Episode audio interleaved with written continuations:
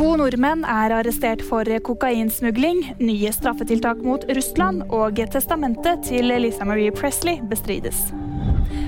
To nordmenn er pågrepet for kokainsmugling i Australia. Det melder lokale medier. De to er mistenkt for smugling av 82 kilo. Australske medier skriver at strafferammen for besittelse med en så stor mengde narkotika kan bety livstid i fengsel. Det er ikke kjent hvordan de to nordmennene stiller seg til siktelsen. Norge innfører nye straffetiltak mot eh, Russland.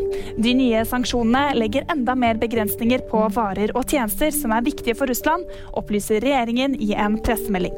Det gjelder bl.a. varer som kan brukes i krigføringen til Russland. Testamentet til Lisa Marie Presley bestrides. Det er ingen ringere enn hennes mor, Priscilla Presley, som gjør det. Ifølge TMC er hun i tvil om det nyeste testamentet, datert 2016, er ekte. I 2016-versjonen er det bare Presleys barn, Riley Keough og avdøde Benjamin Keough, som arver penger. Nå går Priscilla Presley rettens vei for å bestride dette. Lisa Marie Presley døde brått i januar, 54 år gammel.